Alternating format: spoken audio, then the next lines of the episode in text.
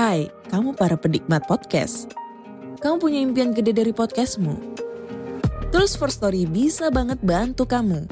Mulai dari F-Link, Dynamic Audio Insertion, sampai statistik yang komprehensif. Semua ada di First Story. Gak ketinggalan kamu bisa monetisasi podcastmu lewat iklan dari First Story Ads yang bisa kasih kamu penghasilan dari setiap place podcastmu. Yuk gabung sekarang dengan klik di firststory.me. Sekali lagi, klik di firststory.me. Mari kita bawa mimpi podcastingmu menjadi kenyataan.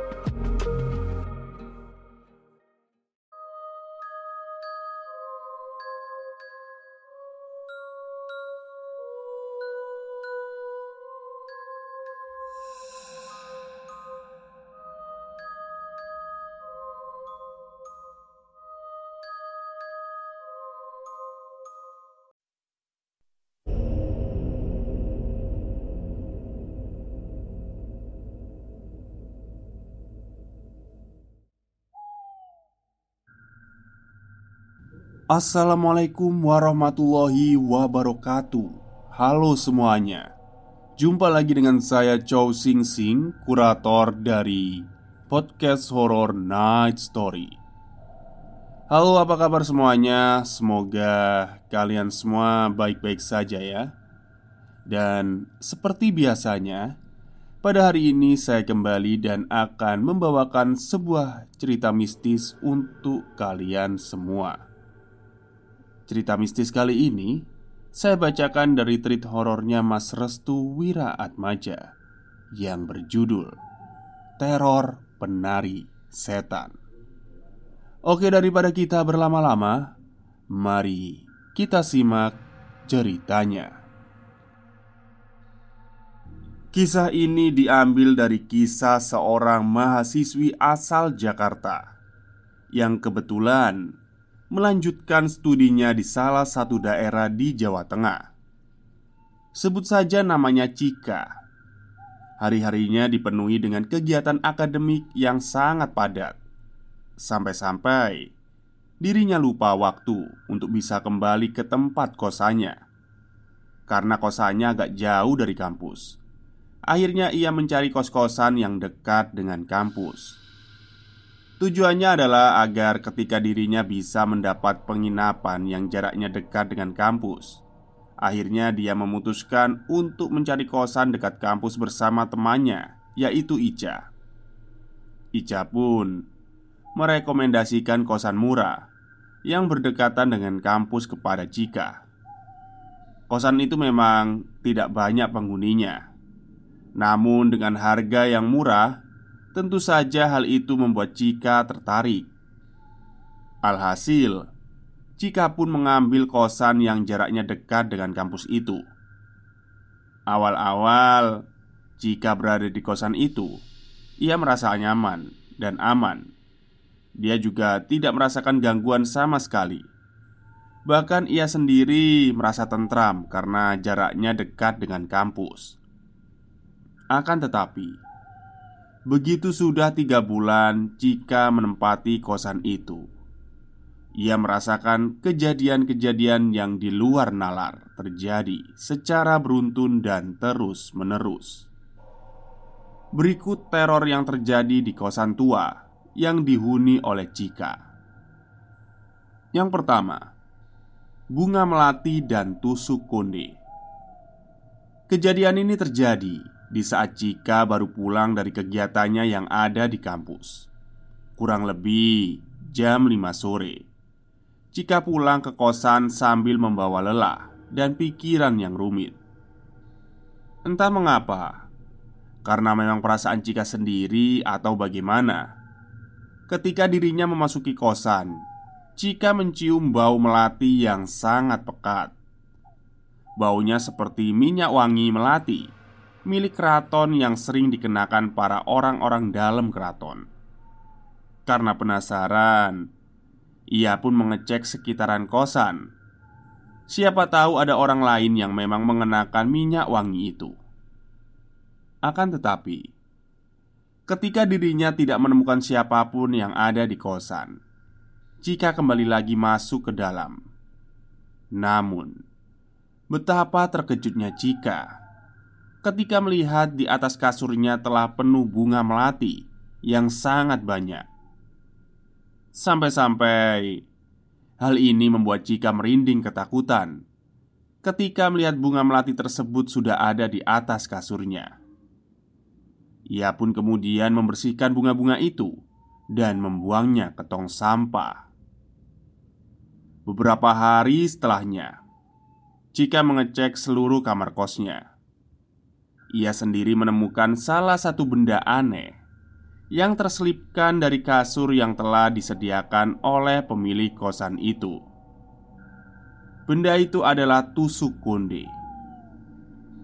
Jika yang penasaran, ia pun mencoba mencari tahu arti dan makna dari tusuk konde tersebut kepada teman-teman kampusnya.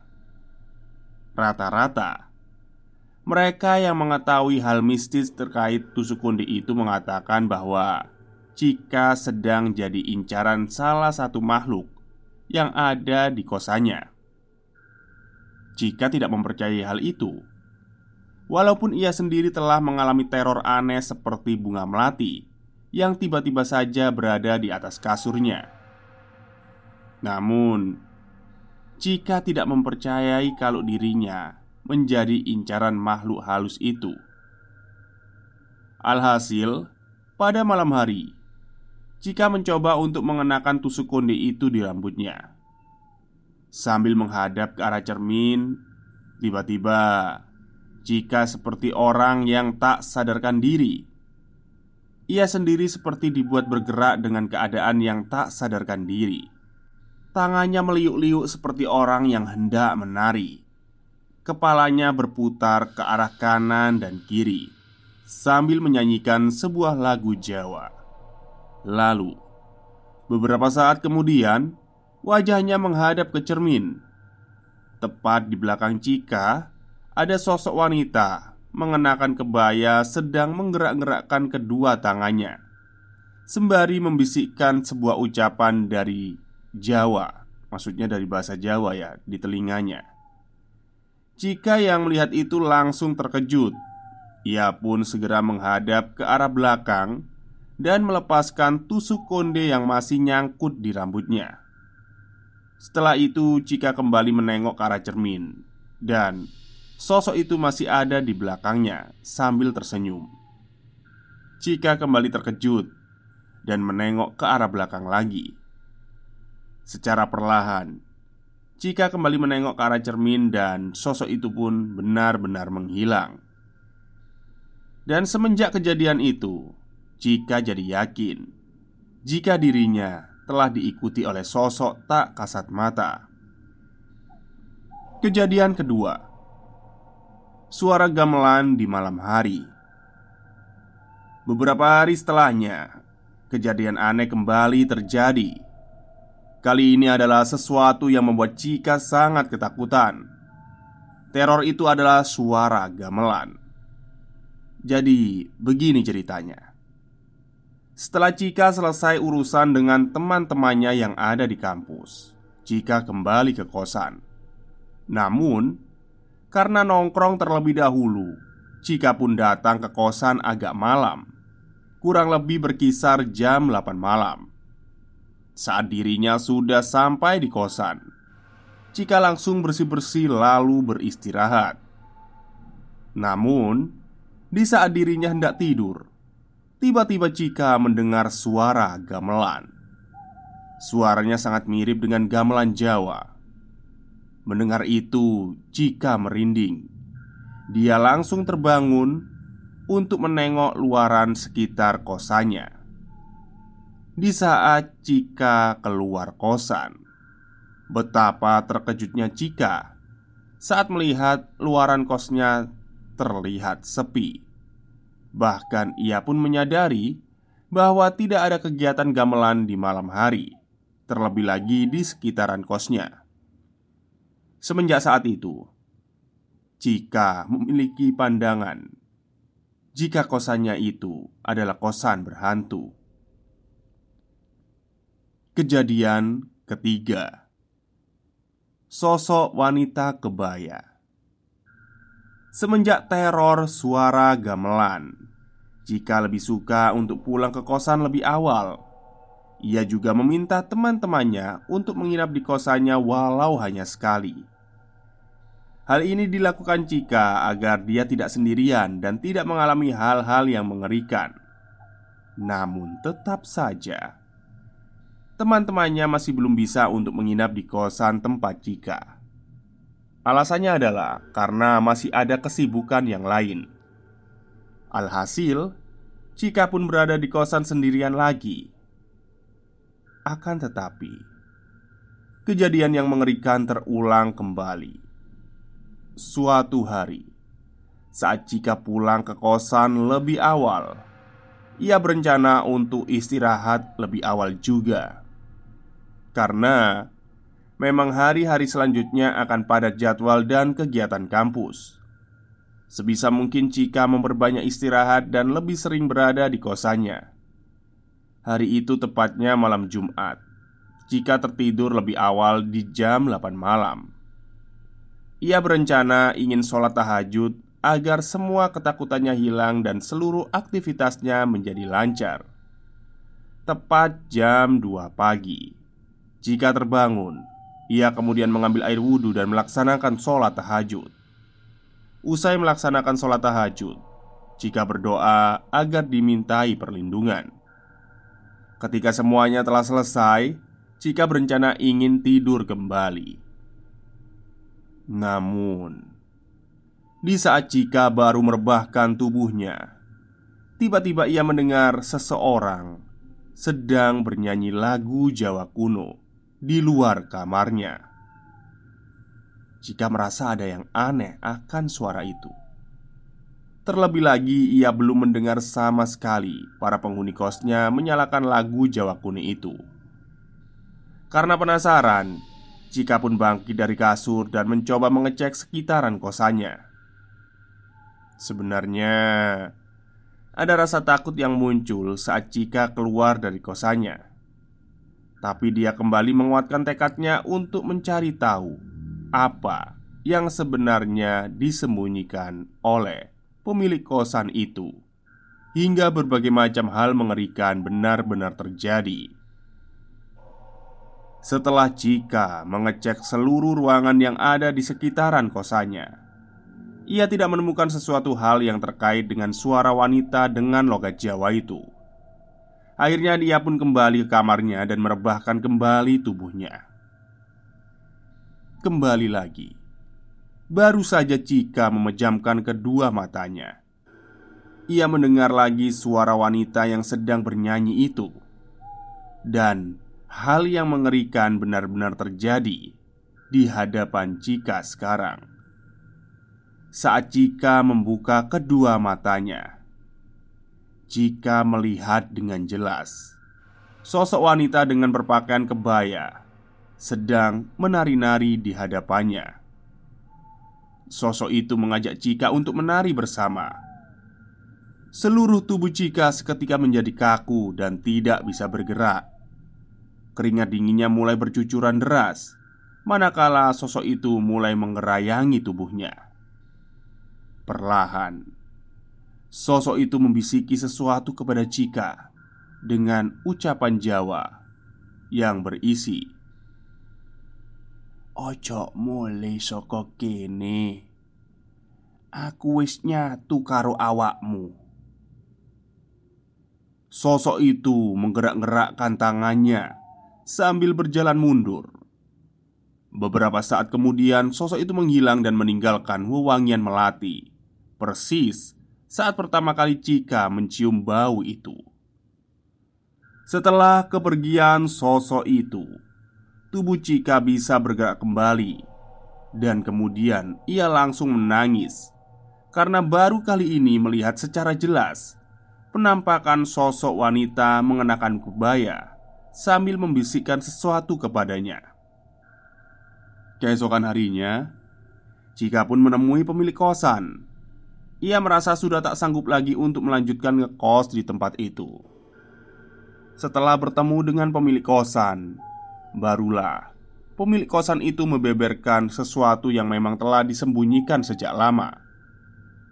Alhasil dampak atau imbasnya terhadap orang-orang yang ada di sekitaran Dan ternyata Kosan yang dihuni oleh Cika Dulunya adalah tempat yang digunakan untuk melakukan lelakon. Karena itulah Lelakon itu kayak Ini ya, kayak tirakat gitu. Oke lanjut. Karena itulah jika sering kali diteror dengan teror yang bermacam-macam Jika pun menambahkan kalau dirinya disebut-sebut sebagai orang yang sudah menyatu dengan sosok wanita kebaya itu Jika tidak bisa melakukan apa-apa Ia sendiri merasa sudah sangat tertekan dengan segala teror yang selama ini dirasakannya Selama berada di kosan itu Alhasil, ia pun menghubungi keluarganya yang berada di Jakarta jika menjelaskan maksud hal itu, ia sendiri sudah diambang stres karena sering kali diganggu oleh sosok wanita kebaya itu. Dan beruntungnya, keluarga Cika pun akan datang ke kosannya bersamaan dengan seorang ustadz yang dipercaya mampu mengusir energi jahat. Kejadian keempat, marahnya sosok wanita berkebaya.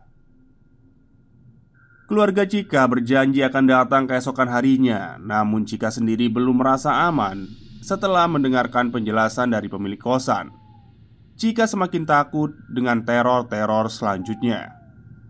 Sudah beberapa kali ia minta kawan-kawan kampusnya untuk menginap di kosannya walau sehari.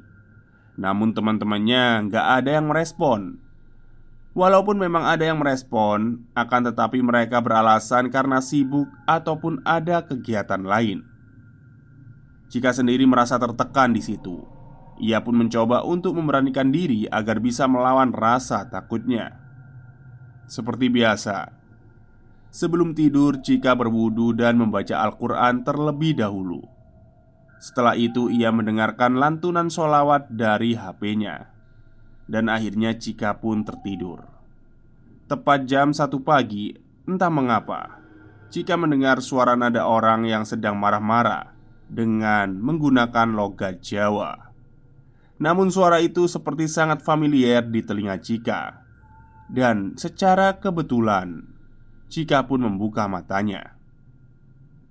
Namun Ketika ia membuka kedua matanya Pandangan Cika terarah pada sosok wanita yang mengenakan kebaya Dengan rambut yang sudah acak-acakan. Kali ini Wajah dari sosok itu berubah 180 derajat. Yang tadinya sangat cantik Kini berubah menjadi buruk rupa Sosok itu memarahi Cika Sambil mengarahkan kedua tangannya Yang memiliki kuku sangat panjang. Jika sontak langsung menutupi wajahnya dengan selimut. Jika berteriak minta tolong Agar sosok itu menghilang. Namun jika merasakan Cakaran dari sosok itu Mencakar-cakar sekitar wajahnya Sosok itu berucap dengan logat Jawa Dengan nada yang meninggi. Ojo mule. Jika tetap berteriak minta tolong Hingga akhirnya ada suara ketukan pintu dari luar Yang membuat sosok itu menghilang. Cika masih terdiam sambil menangis dengan wajah yang ditutupi oleh selimut. Mbak Cika, Mbak Cika Gak apa-apa kan mbak? Tanya pemilik kosan yang langsung membuat selimut Cika berlari ke arah pintu. Ia minta kepada pemilik kosan agar tidur bersamanya. Akhirnya pemilik kosan pun mengabulkan permintaannya. Untuk sementara jika tidur di rumahnya Yang berada di lantai bawah. Kejadian kelima. Pengusiran sosok wanita berkebaya Dan penghancuran tusuk konde Barulah keesokan harinya keluarga Cika datang ke kosan Cika bersama dengan seorang ustadz. Ustadz itu bernama Ustadz Adib. Ia sendiri merupakan guru ngaji Cika sewaktu masih tinggal di Jakarta Dan mengaji di madrasah miliknya. Karena bertemu dengan guru madrasahnya Cika pun mencium tangan beliau.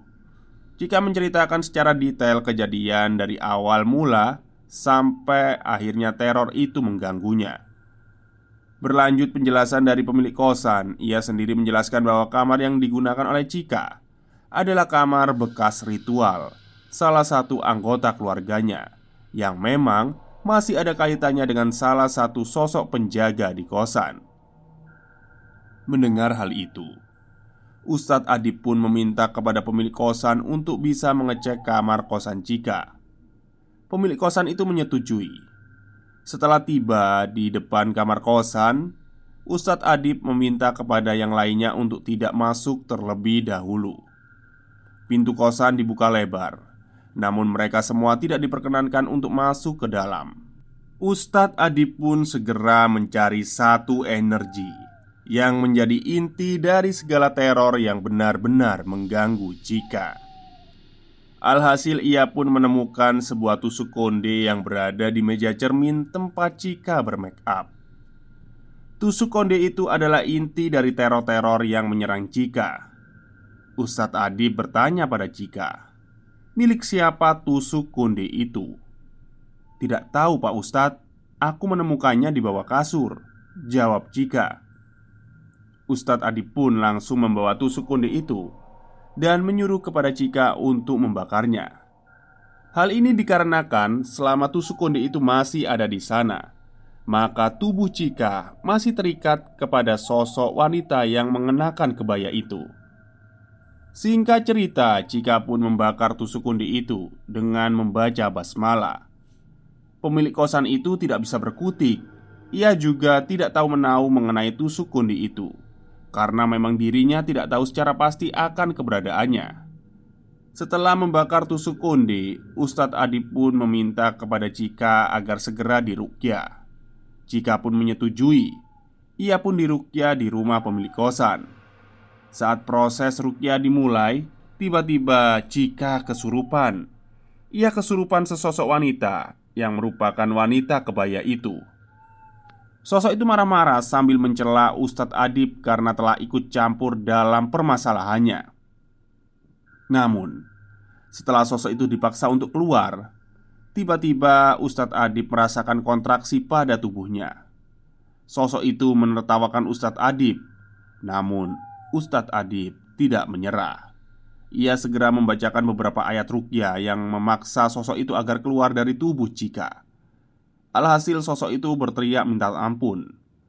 Dia pun sendiri meminta maaf karena telah meneror orang-orang yang ngekos di tempat Cika. Usut punya usut. Ternyata Cika bukanlah orang pertama yang diteror oleh sosok itu. Ada beberapa orang lain yang pernah diteror bahkan dirasuki oleh sosok itu. Menurut pengakuan Ustadz Adib Salah satu seorang anggota keluarga pemilik kosan telah menjadikan kamar itu sebagai kamar tumbal bagi orang-orang yang memasukinya. Dan akhirnya mereka yang telah terikat akan sulit untuk bisa keluar dari genggaman sosok itu. Singkat cerita, sosok itu keluar dari tubuh Cika. Karena memang wadah dari sosok itu sudah hangus, Ustadz Adib berhasil membersihkan kosan itu dari cengkraman sosok wanita berkebaya yang merupakan suruhan dari salah satu anggota keluarga pemilik kosan. Dan pada akhirnya Ustadz Adib meminta kepada pemilik kosan untuk diadakan doa bersama dengan tujuan memagari rumah dan kosannya dari kiriman salah satu anggota keluarganya yang berniat mencari tumbal dari orang-orang yang ngekos di tempatnya. Permintaan itu dikabulkan oleh pemilik kosan setelah pengusiran sosok yang merasuki tubuh Cika telah usai. Keluarga Cika pun langsung membereskan semua barang-barang Cika dan berencana untuk kembali lagi ke Jakarta. Sejak kejadian itu, mereka yang berada di sekitaran kosan menjadi aman dan tentram. Bahkan kabar baiknya, pemilik kosan berhasil merenovasi kosannya menjadi lebih besar lagi. Dan teror demi teror yang ada di dalam kosan itu akhirnya selesai. Tempat itu menjadi nyaman karena telah dipagari oleh doa dan hikmah dari kejadian ini. Oke, hikmah dari kejadian ini adalah agar selalu waspada terhadap hal-hal yang berada di sekitaran kita. Oke, itulah cerita pendek dari Mas Restuwira ya tentang kosan tua yang diteror oleh penari setan. Mungkin itu saja cerita untuk hari ini. Semoga kalian suka. Wassalamualaikum warahmatullahi wabarakatuh.